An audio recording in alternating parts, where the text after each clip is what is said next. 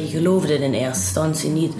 De realiteit is pas als je de eerste keer naar het mortuarium gaat en je ziet daar je broertje liggen in een kist. Ja, toen... Uh, ja, is gewoon het heftigste ooit. Dit is Rachel van Werven.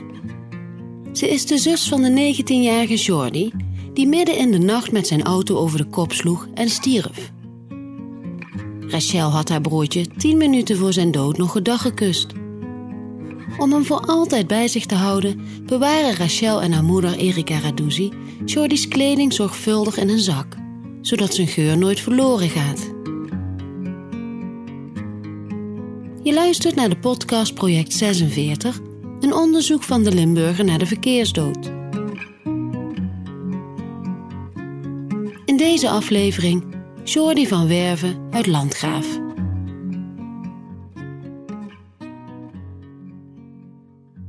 Het is al ver na middernacht als Jordi zijn zus Rachel een kus en een knuffel geeft. Ze zitten samen met wat vrienden als Jordi er vandoor gaat. Een ronde maken, zegt hij, bij wat mensen langs. Zijn vrienden bellen hem wel vaker als ze zich vervelen. Jordi is een gangmaker. Hij zegt tegen zijn zus dat hij van haar houdt, zoals hij dat zo vaak tegen haar zegt.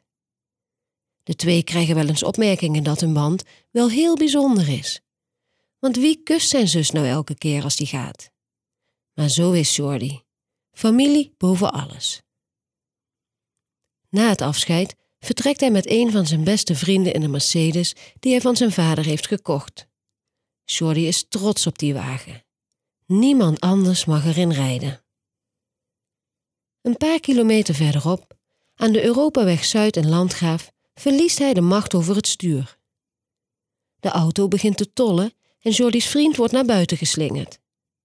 Dan raakt de wagen een stroomkast en slaat een paar keer over de kop. De auto is zwaar beschadigd. Zijn vriend overleeft het ongeluk ter nauwe nood. Jordi sterft in een Mercedes.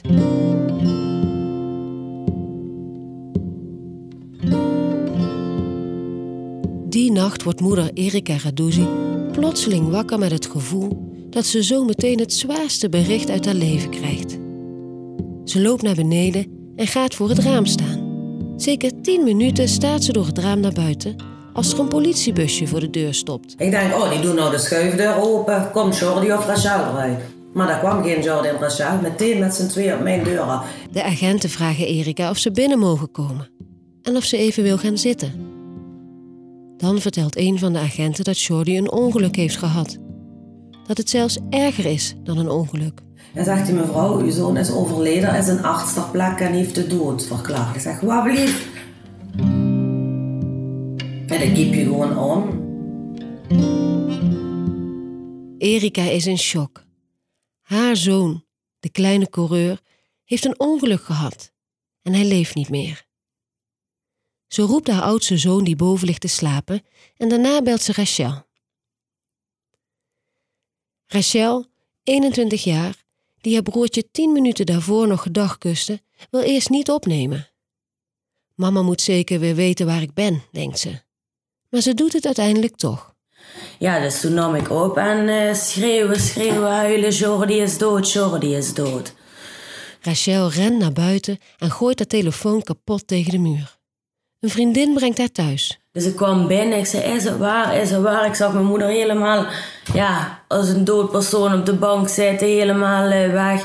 Iedereen in paniek en die politie zo, ja, ja, dat is waar. Ik was tien minuten van tevoren nog met hem samen, snap je? Dat is zo onwerkelijk. Ja, Jordi is dood. En weet je, die woorden, dat, zijn, dat is geen grap.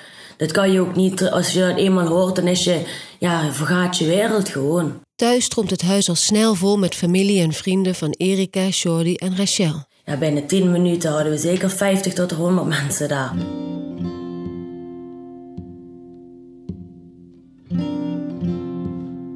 Erika en Rachel denken dat Jordi is geschrokken van koplampen van een andere auto of van een overstekend dier.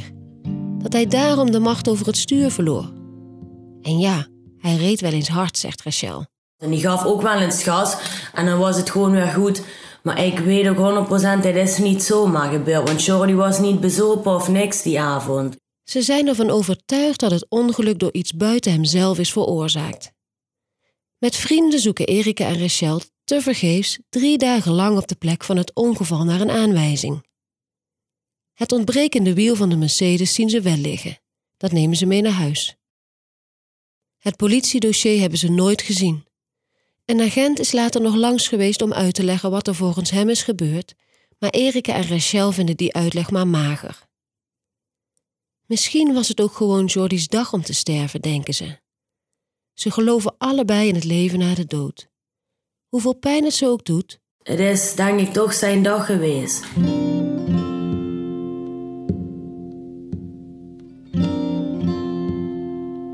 In het mortuarium in Landgraaf volgt de middag na het ongeluk de confrontatie. Als je me toen met een mes zo gesneden had, had minder pijn gedaan dan hem daar te zien liggen. Hij was altijd het lachen, altijd goede zin, altijd ondeug en gekheid. En dan zie je hem daar zo helemaal zo emotieloos liggen. Ja, was gewoon niet meer Jordi. De altijd aanwezige Jordi, breed gebouwd en goed verzorgd, ligt er stil bij. Erika voelt aan haar zoon. Ze wil zien waar hij gewond is, waar de blauwe plekken zitten. Ja, ik was een truitje uit de trak. Ik voelde, kijken waar die blauwe plekken had. Opeens komt die vrouw naar binnen. Um, een beetje rustig, hè. Die heeft naar mijn blik gekeken. Ze zei niks meer, ze liep snel weg. Dan zegt moeder niet dat je van de zoon moet afblijven.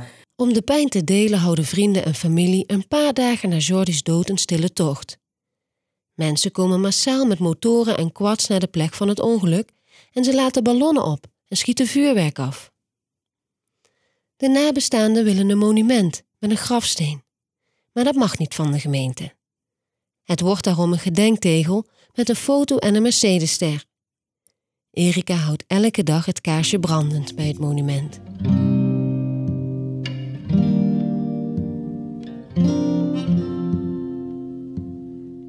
Grappig, sociaal, een levensgenieter dat was Jordi ten voeten uit. Rachel noemde hem altijd Scarbody, want hij zat altijd onder de littekens van het vallen met de crossfiets. Jordi had pit en was zachtaardig tegelijk. Als je dan kwam kijken, wist je precies wat het voor jongen was. Hij hield van motorsquads, hij hield van veel mensen, hij hield van een drankje en een jointje. Ja, hij hield gewoon van de mensen. Want hij was zo, als je nou zie je bent een vriend, kreeg je ook een knuffel. En later op de avond kreeg je ook kusjes. Ooit zou hij een groot huis kopen met veel dieren. Hij wilde geitjes en een ezeltje. Hij hield van dieren. Toen ze in Marokko op vakantie waren, zag hij met ledenogen aan dat een ezeltje geen water had. En daarnaast was Jordi dol op alles met wielen. Hoe jong dat hij al was, die haalde al met uh, tien, of tussen de 10 en 12 jaar, die schroefde zo een hele scooter uit en in elkaar. Jordi had voor autotechniek gestudeerd, maar vond de studie overbodig. Hij was handig. Na één blik wist hij al precies wat er aan een auto mankeerde.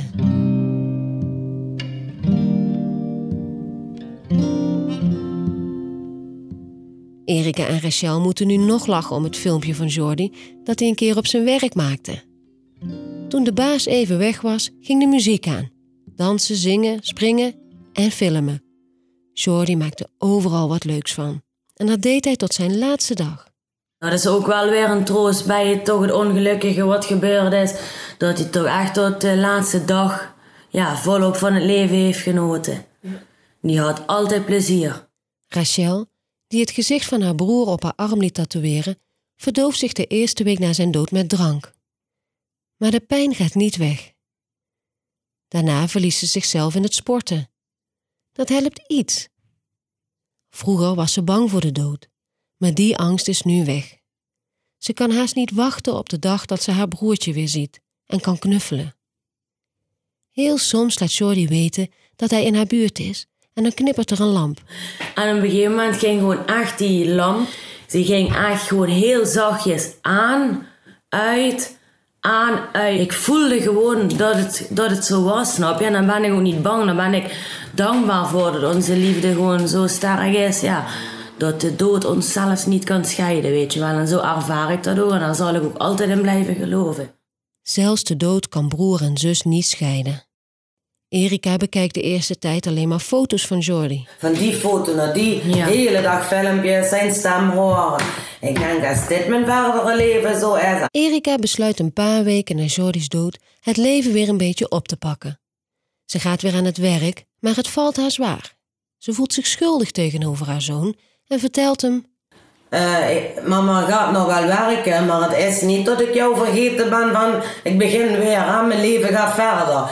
Het leven gaat verder, ja. En soms kan Erika ook weer lachen, zoals vroeger.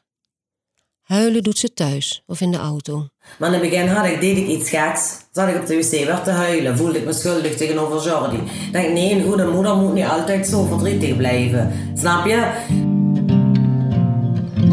Nou zegt, eh, eh, ik schiet je af en Jordi komt, mocht je meteen doen.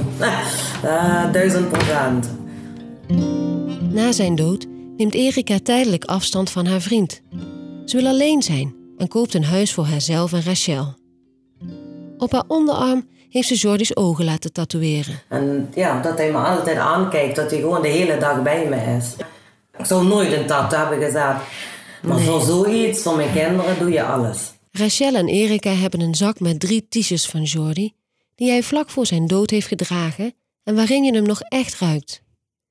Die zak sluiten ze steeds goed af, zodat zijn geur zo lang mogelijk in zijn kleding blijft. Zodat hij zo lang mogelijk blijft. We hebben dan zeg maar een zak met drie truitjes van Jordi in, waar je hem nog echt ruikt. Heel erg. En dat hebben we altijd, maken we dat goed dicht, zodat het blijft. Want eerst in alle jasjes en vestjes en zo ruik je het ook nog. Maar dat doet echt pijn, want het wordt steeds minder en minder, snap je? Dus, en dat is eigenlijk alles wat je nog maar hebt, zeg maar. She left you alone for three days. What on earth were you gonna do? Je hoorde een aflevering van de podcast Project 46, een onderzoek naar de impact van de verkeersdood, gemaakt door de Limburger. De muziek die je hoort is van Pablo en Luca van der Poel.